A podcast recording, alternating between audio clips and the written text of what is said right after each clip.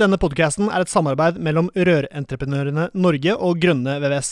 Felles for både Eli og meg er at vi brenner for rørbransjen, og vi ønsker å dytte bransjen i riktig retning. Men dette får vi selvfølgelig ikke til alene, vi trenger flere.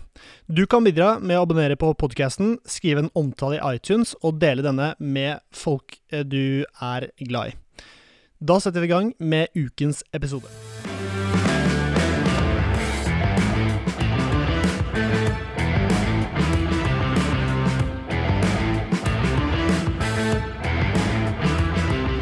Hei og hjertelig velkommen til en ny episode av Bare Rør med Eli Hermine Heidal Eide fra Rør-Norge og Severin Poppe Midteide fra Grønne VVS. I dag skal vi dykke dypere inn i sjaktmaterien. Eh, for det er jo Ja, det finner mange utfordringer med, med sjakter. Varmeoverføringer, plass og osv. Men dette kan jeg veldig lite om. Hva med deg, Eli? Jeg kan heller ikke nok om det, eh, Mm. men jeg veit at for veldig mange så er det med sjakter, og ikke minst det der å få eh, plassert sjaktene der du vil, og få dem store nok og sånn, det er en kjempeutfordring for veldig mange bedrifter som i hvert fall jobber på litt større prosjekter. Um, så eh, i dag så har vi med oss Are Skår Nilsen, Are Skår Nilsen. som er kollegaen min. Legenden. min. Det er jo legende nå, Are. Visste du det? Det er helt suverent. Ja. Ja, og Inger eh, Halvorsen, eh, datter av eh, Dag Halvorsen. ja, hun er jo først og fremst seg sjøl, men hun er faktisk også dattera til Dag, som veldig mange Ja, i bransjen kjenner. da. Ja, men Dag er jo en Eh, legende, så da, ja, vi må jo bare nevne det. Jo, men jeg kan jo nevne bare sånn Nå er det Inger vi skal snakke med, men i og med at vi har den faren jeg har, så har jo Dag Halvorsen vært styremedlem og leder av Rør-Norge i flere år. Mm. Og så har han vært medlem, eller le, er vært en del av styret i BNL, altså Byggenæringens Landsforening. Mm. Og han er Leder av ja, første og eneste rørlegger som noen gang har sittet i hovedstyret til NHO. Det er ganske heftig. mm, Så han er en flink mann. Ja, men det kuleste er jo Han må jo ha vært eh, daglig leder av eh, Sig Halvorsen på et eh, tidspunkt også. Det har han helt sikkert vært i veldig mange år. Eh, Men det veit du mer om, Inger. Du Kan ikke du fortelle litt om eh, Sig Halvorsen? da? For det er jo en stor og synlig aktør i bransjen. Jo, altså det var jo min farfar som starta det, Sigurd Halvorsen. Um, og starta egentlig med eh, verktøykassen på sykkelen her i Sandnes og sykla rundt. Og så har det gjennom mange år da bygd seg opp til å bli et eh, ganske stort konsern. Eh, Så jeg jobber jo da i Sig Halvorsen, men eh, vi har jo òg andre søsterselskaper som holder på med elektro og ventilasjon òg. Og så har vi avdelinger her i Sandnes og på Sørlandet. Utrolig, Eh. utrolig kult med sykkel på Nei, verktøysekk på Væske, heter det. På sykkelen. Det er jo en god start, og så til et konsern. For Ja. en historie. Bravida er jo tilbake der. Bravina har jo lagd sånne green hubs i eh, sentrum i Oslo og Ja. andre steder. Hvor Ja, de er sykler rundt, faktisk. Ja, nå er vi tilbake til der igjen. Ja. Det har gått skikkelig dårlig. Men Sig Halvorsen gikk fra sykkel til uh, gikk den naturlige veien. Ja, stemmer. Mm. Bokstavelig talt den naturlige veien med sykkel. Uh, og dere er ca. hvor mange, mange ansatte? Altså, jeg tror Isik Halvorsen, som jo er det, det selskapet jeg jobber i, er med rundt 300 ansatte. Men på konsernnivå er vi 800. Ja, Oi. nettopp. Veldig bra. Ok, men sjakter, det er, eh, det er dagens eh, tema. Og Inger og Are har jo pratet mye om eh, sjakter i det siste. Kan ikke dere gå litt mer i detalj? Are, kan ikke du gå litt mer i detalj på hva dere har jobbet med nå de siste jeg vet ikke hvor lenge, de siste dagene, månedene, årene? Det har vel nesten gått et år, har det ikke det, Inger? Jo, litt, litt over et år, tror Ja. jeg. Ja, der ser du.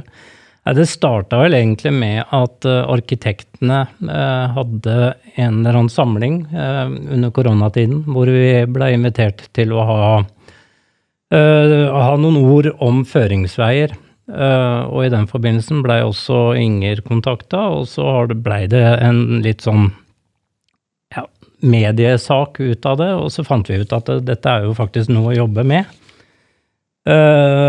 Og ja, Inger tok på seg jobben som prosjektleder. Uh, var vel den som var mest ute i med... Der er du. Ja. var den som var mest ute i media også, og, og på en måte uh, omtalte problemstillingen. Uh, Jeg stakk så- vel uh, hodet litt vel mye fram i en artikkel, og da ble en Det er bra det, Lina. Nei, det er bra det, Inger. Det Ja, hvordan låt artiklene? Nei, det var litt det der vi kjente på mye frustrasjon i prosjekter, særlig boligprosjekter, som sånn Vi blir eh, engasjert i prosjektet etter at leilighetene er solgt, og da er jo mye av planløsningene òg låst. Eh, og da har gjerne ikke de tekniske fagene fått vært med i stor nok grad og påvirke løsningene for føringsveier og sånt.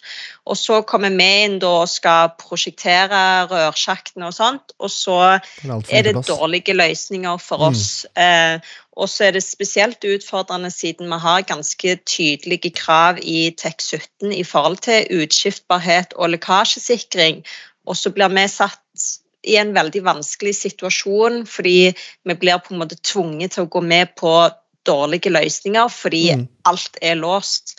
Så vi ville komme til bordet tidligere i prosessen Mm. og få være med å påvirke løsningene, da. Mm. Det var på en måte, sånn, i hvert fall for min del, da, formålet med dette her.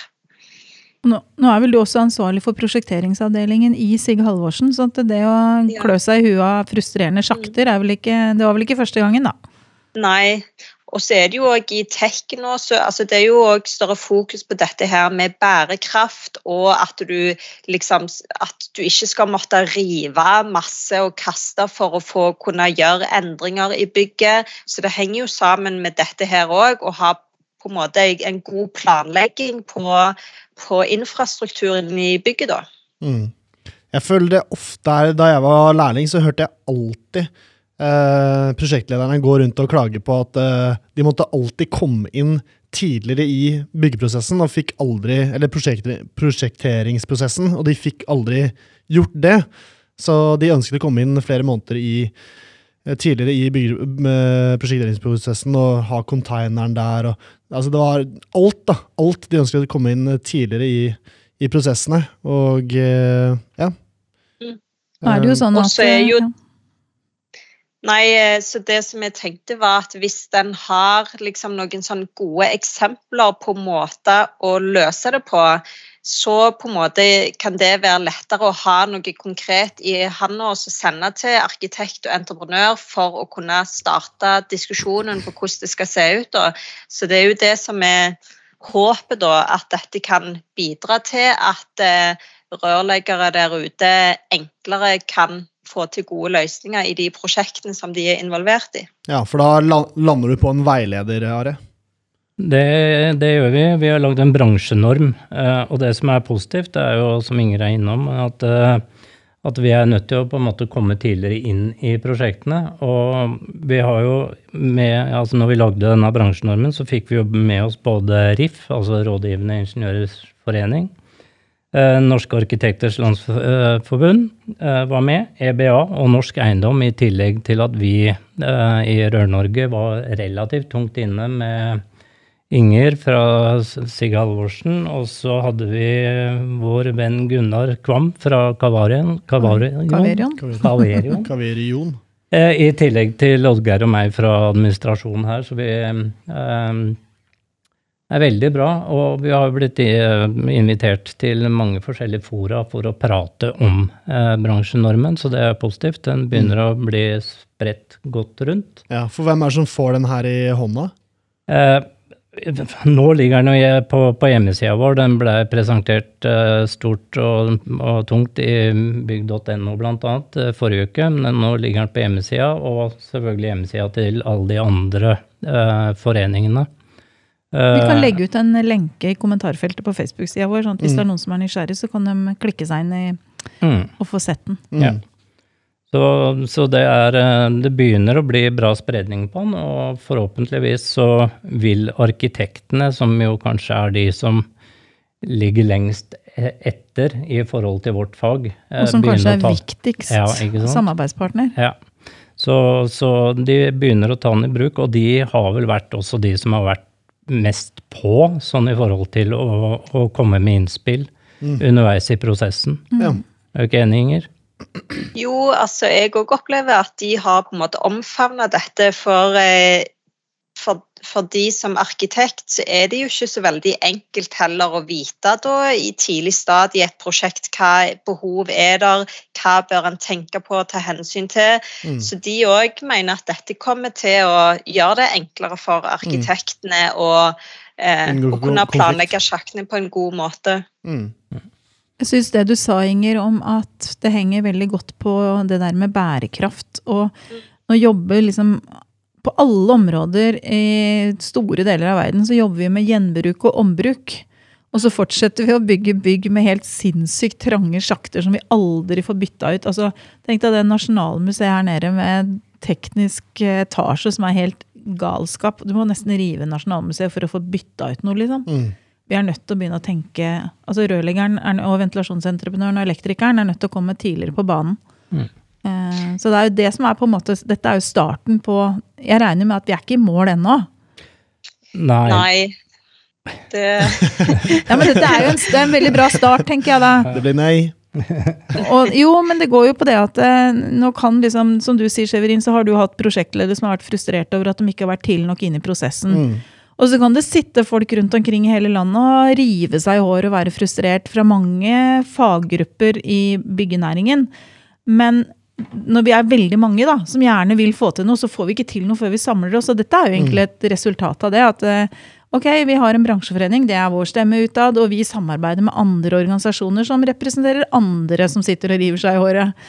Eh, Så tanken her er jo at eh, vi må jobbe med å gjøre denne veilederen kjent for våre bedrifter, sånn at våre prosjektledere og de som jobber med prosjektering i rødbransjen, kan informere sine samarbeidspartnere igjen. Og dette gjelder jo ikke bare sånne gigastore prosjekter, det gjelder jo Planlegging av sjakter er jo vel så viktig på en mindre boligbygg enn sånne kjempestore prosjekter.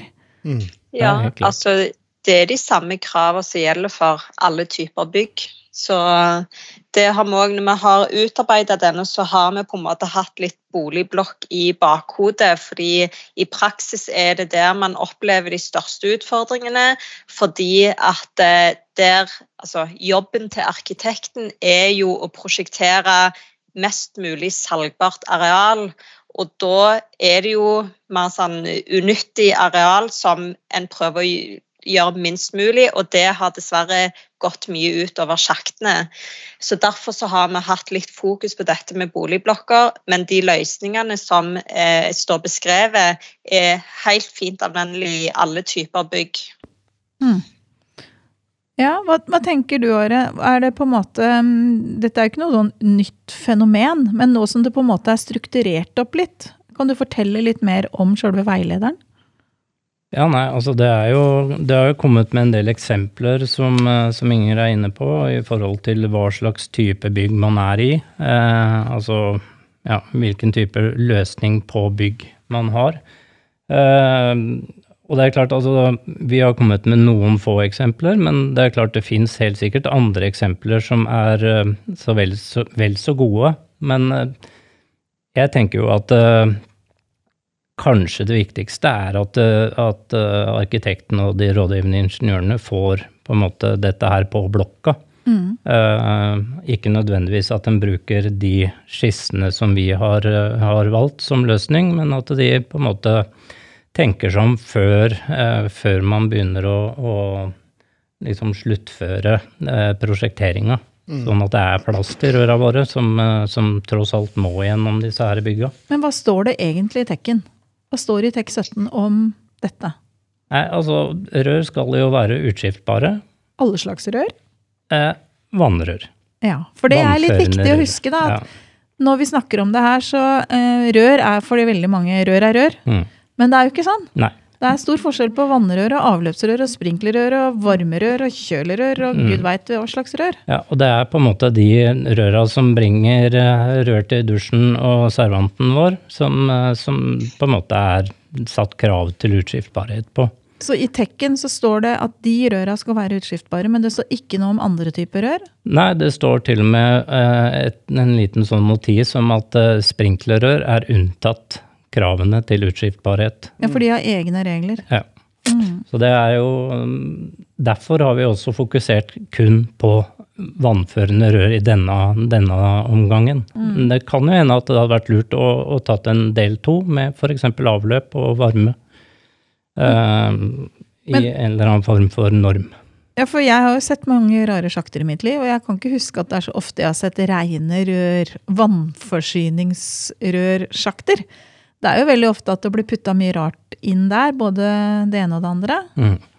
Eh, ja, vi har jo prata om legionella eh, i denne podkasten tidligere, og det er også faktisk et ganske viktig aspekt å ta med seg i denne Men sammenhengen. tenker du varmesmitte da? Yes. Ja. Eh, det blir fort mange grader inni en, inni en sjakt hvis man på en måte ja, både har varme og, og sirkulasjon og alt mulig i samme sjakt. Da. Mm. Da kommer man fort opp i den der groben grobunnen for eh, legionella. Altså 30 grader, det hopper man fort opp i en typisk sjakt. Mm. Så selv om, man, selv om man kanskje ikke har sett sånne typer sjakter tidligere, kanskje det er veien å gå. At man har egne sjakter for, eh, for drikkevannskvalitet. Ja, og jeg ser her at det er viktig med inspeksjonsluke. Da må jo den stå litt på gløtt, sånn at det ikke blir veldig varmt inni Det er jo, det jo, men det, det dukker jo opp noen andre problemstillinger når det gjelder sjakter, tenker jeg da, og det er jo brann. Eh, For det er klart at det er jo i spesielt boligbygg, da, som det er snakk om her, så er det ganske strenge krav til brann, ikke sant Inger? Ja, det er jo stort sett i dekkene så må du på en måte tette igjen i hver etasje. Hvis Mhm. du har sjakta inne i leiligheten. Så da har vi jo beskrevet forslag til løsninger for hvordan en lekkasje eventuelt kan bli synliggjort, der du faktisk må tette igjen i dekket. Og så har vi foreslått eh, en annen løsning eh, med å ha sjakt ute i trapperommet. Og der kan du gjerne få til å ha sjakta åpen fra topp til bånn, Mm. siden at du der har sjakta ute i trapperommet. At du Ja. heller da får brannskille rundt sjakta. Så Mm. den løsningen en velger, så er det viktig å ha et forhold til brannkonseptet og, og kravet til, til hvor brannskillet går. Mm. For det er litt avgjørende for valg av løsning. Ja. Men hva slags løsninger når du sier at du må tette etasjeskillene opp pga. brann? Mm. Hva slags eh, løsningsforslag er det dere kommer med i veilederen da, i forhold til å oppdage vannlekkasje f.eks.? Eh, Det ene forslaget er jo at en da har et slags overløp ut til eh, naborom med sluk, som gjerne da er badet. Men så er det jo òg sånn hvordan en skal gjøre dette i praksis. Mm. Fordi at det, du ønsker jo da at det vannet som eventuelt eh, lekker i sjakta, faktisk da skal renne i det overløpet. Så der òg har vi forklart sånn, noen detaljer. Men eh, der òg er det litt sånn Én ting er ei skisse, og én ting er i praksis. Men vi har foreslått at en gjerne må da teipe overgangen mellom gulv og innvendig sjaktevegg, sånn at vannet ikke renner ut under bunnsemsa i sjakt. Eh, og så må òg en løsning kanskje at du leder vannet videre ned i sjakta.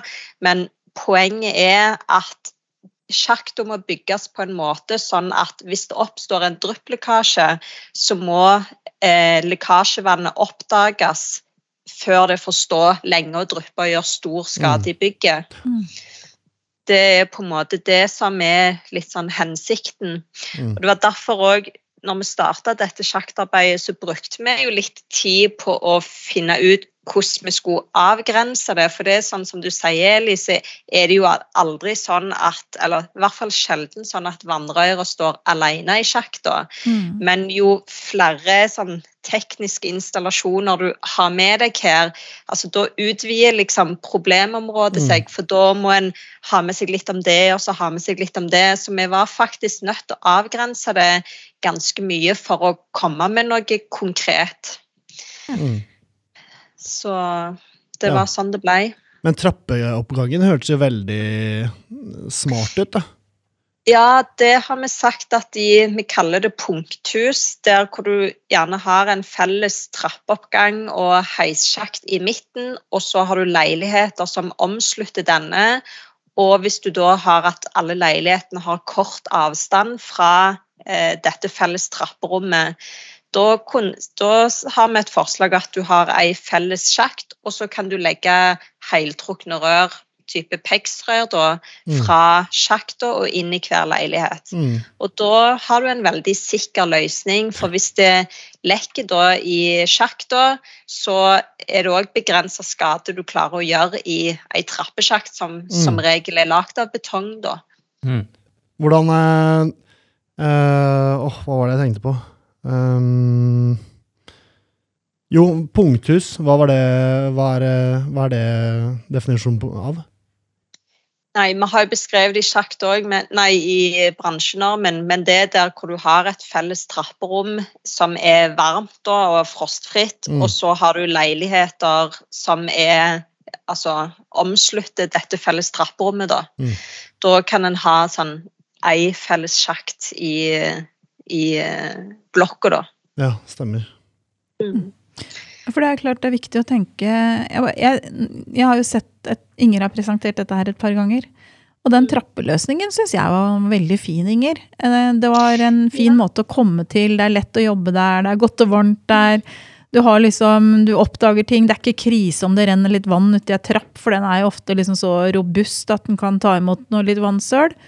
Um, Og så er det spesielt i de type leilighetsprosjekter hvor leilighetene ikke liker hverandre opp gjennom etasjene, hvor gjerne i den ene etasjen så står badet i den delen, og i den andre etasjen står det der. Når det er veldig vanskelig å få rørene til å gå rett opp hvis du har plassert sjakt ute i leilighetene, da er dette òg en veldig god måte å gjøre det på, for da er det mye mer fritt til å plassere ting i leilighetene, da. Mm.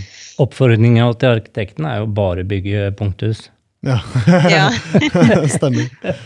Det eneste er jo avløpet, da. Det må en jo òg selvfølgelig tenke på da, når en skal plassere ut eh, våtrommene.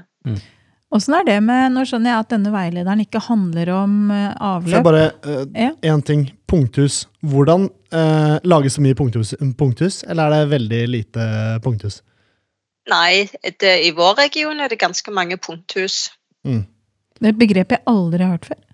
Det bygges mye i det distriktet jeg bor også. Ja, I Ski så er det også veldig mye punkthus Mm. som blir bygd nå. Nytt. Mm. Smart. Ok, Eli. Ja, øh, jeg er jo klar over at denne veilederen, eller denne bransjenormen, handler om forbruksledninger. Øh, forbruksvann. Men nå snakker vi, når du nevnte avløp nå, så er det jo litt sånn eh, Jeg vet ikke om du nevnte det i stad, men det der med å ha litt separate sjakter. altså Det må jo være lettere for disse arkitektene å håndtere eh, en sjakt som f.eks. bare skal ha avløpsrør. Må jo være en eh, er det, altså, du har jo vært gjennom masse prosjekter, Inger. Er det noen som har begynt å liksom splitte opp sjaktene, eller er det bare ei mølje fortsatt? liksom?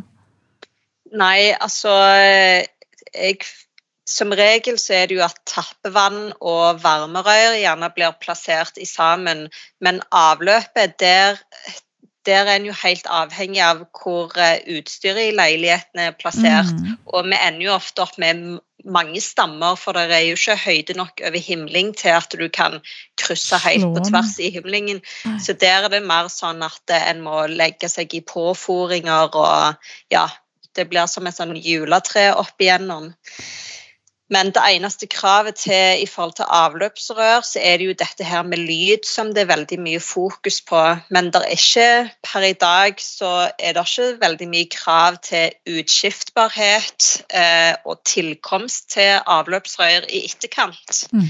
Så det, det er jo noe jeg syns at en gjerne burde hatt litt mer fokus på. Eh, med tanke på sånn som dette med bærekraft og kunne gjøre endringer i bygget etterpå, da. Jeg har jo alltid lurt på, eller i mange år, så har jeg lurt på hvorfor i all verden vi fortsetter å bygge avløpssystemer sånn som vi gjør. Jeg skjønner ikke at ikke vi begynner å bruke vakuumsystemer, Ja. Med små rørdimensjoner som kan gå opp og ned og bort og fram og helt uavhengig av fall og ikke noe Altså, det må jo være så mye enklere. Hvorfor, hvorfor begynner vi ikke med det?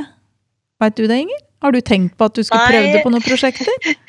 Nei, det har jeg eh, Det får vi sjelden forespørsler, faktisk. Så det vet jeg faktisk ikke. Nei, Jeg tenker litt sånn i forhold til bærekraft. Ja. Altså for det første så bruker du en halvliter vann per doskyll istedenfor fire, fem, seks liter vann.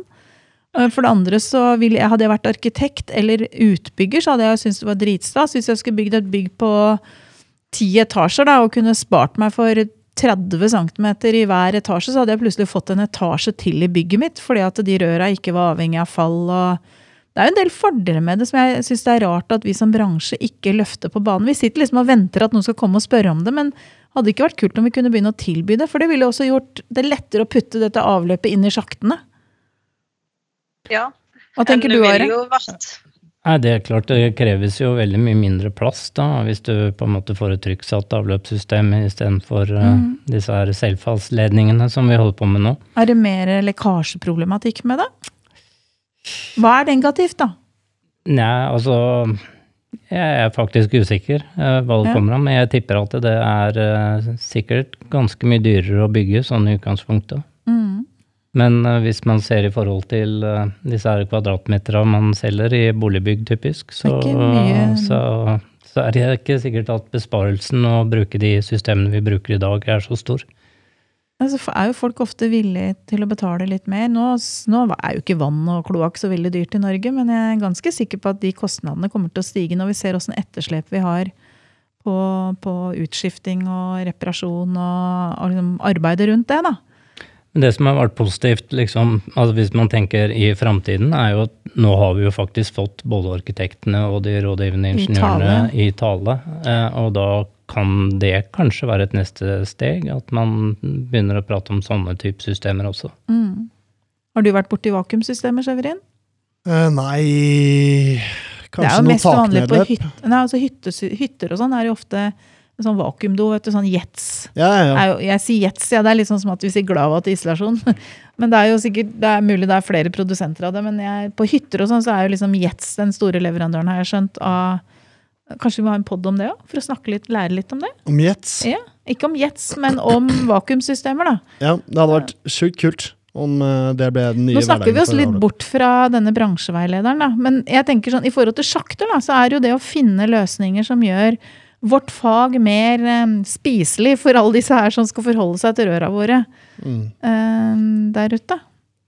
Og det som, altså um, Resultatet av uh, å ha dårlig plass og uh, ikke vite hvor man skal putte ting, og dårlig prosjektering, blir jo at uh, man gjør ting mer jalla, med mindre yrkesstolthet. Mm. Og det er jo det vi kom, prøver å komme bort fra. Det er jo Mhm. klart, altså, gode løsninger er jo supert, at det, det går an å bytte ut ting senere, liksom, men det er jo det er jo det det går på også, for montørene, at det er morsommere å montere, for du skjønner at det, her er det faktisk eh, her er det tenkt smart, da, istedenfor at man bare går rundt og så ja, si ti ansatte som går rundt på det bygget og bare Ja, det her blir bare ræl, liksom. Da starter jo den snakkinga. Det handler om planlegging. Ja, planlegging. Mm. Det blir jo bare bedre stemning med god Det blir som du sier, eller dritstas, når du får Vi sier kanskje, Jeg sier kanskje det. Du sa dritstas, ja. Ja, dritstas. Ja. Mm. Ja, vi snakker om avløpsrør, så passer jo det innmari bra. um, men eh, Inger, du sitter jo og tegner disse bygga, gjør du ikke det, når du prosjekterer?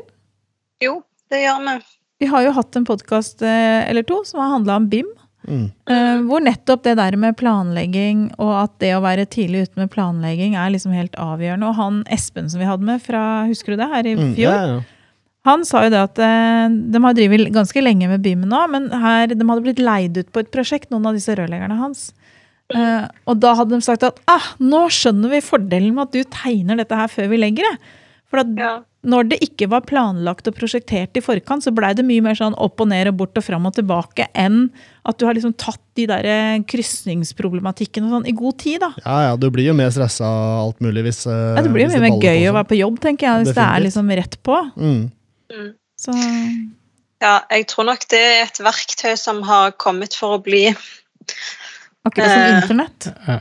Ja. det er, ja, men det er jo klart det. Hvorfor, hvorfor sitter ARE med de greiene her? da? Det er fordi vi skal gjøre det Det blir jo en bedre hverdag, for oss, rett og slett. Mm. Mm. Det, er ikke, det er klart lekkasje er noe dritt, men uh, det er det jo sykt mye morsommere å legge ting når det, når det ja, ikke bare blir gjall ut av det. Nei. Har du noe mer på hjertet, Ari, i forhold til det her? Eller du, Inger? Jeg, jeg tenker sånn det, ja. Nei, jeg kan jo òg bare si at vi lagde jo òg en sånn ansvarsmatrise. Eh, for det òg var noe som eh, flere av oss på en måte har opplevd at når det kommer til disse sjaktene, så har det i noen prosjekter blitt litt konfliktfylt, fordi at eh, liksom, hvem sitt ansvar er det å plassere sjaktene riktig? Hvem er det som skal, hvis det da er krav til luker, hvem er ansvarlig for å levere de? Hva er rørleggeren sitt ansvar, hva er rådgiveren sitt ansvar? Eh, så vi har òg lagd en slags matrise da, som altså, den skal jo ikke, Vi har jo sak ti som på en måte definerer hvem som er ansvarlig for hva, men her er vi litt inne i en gråsone som vi har prøvd altså, så vi har lagt et forslag til hvordan vi mener det er fornuftig. Og det som var litt gøy, var at når vi utarbeida den, så var alle i, i sjakkgruppa da, vi var veldig enige. Det var ikke noen diskusjon. Det var, nesten, liksom, det var, nesten, slåsskamp om hvem som kunne ta på seg mest mulig ansvar. Det var ja. nesten sånn jeg opplevde det. ja, på hvilken måte da? Forklar den uh, samtalen her. Ja, nei, altså det var jo altså, F.eks. plassering og tilkomst av sjakter. altså Vi vil jo på en måte være ganske klare på at det er arkitekten. Du var ikke sikker på om arkitekten tok det ansvaret? Eller? Nei, ikke sant. Men, eh, men, vi tenkte jo liksom eh, ja, dette her er liksom arkitekten. Og så ja, nei, det er klart, det, det, er, det er vårt ansvar. Og så er andre ting i forhold til, til rådgivende ingeniører. Altså størrelse og utførelse av den, den sjakta. Mm. Ja, det var ikke noe tvil. Det skulle dem ha. Det, det er vårt ansvar, det. ja, så bra, da. Ja. Det, det, var, det var en ganske morsom, morsom greie vi hadde akkurat der. Og så veit jeg at i, i den uh, bransjenormen så står det også, i forhold til det med ansvarsområder også, så står det også henvisninger til uh, bygdetallblader. Ja. I forhold, men det, jeg har ikke vært inne og sett på alle de bygdetallbladene som er referert til. Men uh, hvor får man tak i bygdetallbladet hvis man er rørlegger? Er det Sintef sitt? Yes. Det er det. Byggforsk-serien? Byggforsk-serien. Ja. Mm. Og det er, eh, det er, ikke så mange blader. Det er eh, egentlig bare ett blad vi har eh, forholdt oss til. Sintef har jo også en, en sjaktveiledning i, i, i som bygdetallblad. Så det er det ene sjakkbladet deres. 553002? Ja. ja. Og det sjakkbladet der, det samsvarer jo litt med det ene løsningsforslaget vi har. Men det har på en måte vært det eneste som brand, altså konkrete forslaget som en har hatt tilgang til. Da. Mm. Så har jo vi utvida det litt med litt andre løsningsforslag òg. Mm. Sånn at det som står i bransjenormen er ganske så i tråd med det som står i, i ja, Byggforskbladet. Mm. I tillegg så vil vi jo også selvfølgelig oppdatere Røronboka i forhold til eh, bransjenorm ja. videre. Ja, for det kommer ny Røronbok nå snart? Det gjør det. Og da kommer dette her med? Jeg er litt usikker på hvor mye, mye, Henrik fikk med seg av, av uh, bransjenormen inn i denne. Ja, det var litt tidlig i forhold til trykking, men ja, den digitale versjonen blir kanskje den oppdatert. Blir nok oppdatert. Ja. For det er litt viktig å huske da, at én mm. ting er den sjølve lefsa-type Røronboka som du har med deg ute på jobb. Men det er jo en digital versjon som også blir oppdatert eh, fortløpende, og som har mye mer innhold. Ja, altså det blir jo litt sånn uh, utafor casen nå, men uh, Røromboka pluss, som du nevner, som er den digitale utgaven, mm. Den er jo ment typisk for prosjekterende og kalle dem, som, dem som sitter på kontor. Mm. Eh, Smart. altså den bladhåndboka som alle kjenner, det er jo ment for rørleggeren. Mm. Det er litt viktig å huske på det. Mm. At, for det er veldig mange som sier ja, vi har hele pakka. Det, mm. ja, men ja, det er litt avhengig av hva du driver med på jobb. Ja, hvilken rolle du har. Ja. Mm. Men det er jo lov å grave seg ned i fag, da. Herregud. Helt det skal klart. vi ikke nekte noen. Jo flere som kjøper eh, Rørangboka pluss, altså nettutgaven, jo bedre er det jo. Ja, for da får du mer innsikt. Mm. Mm. Har du lært mer om sjakter, Severin?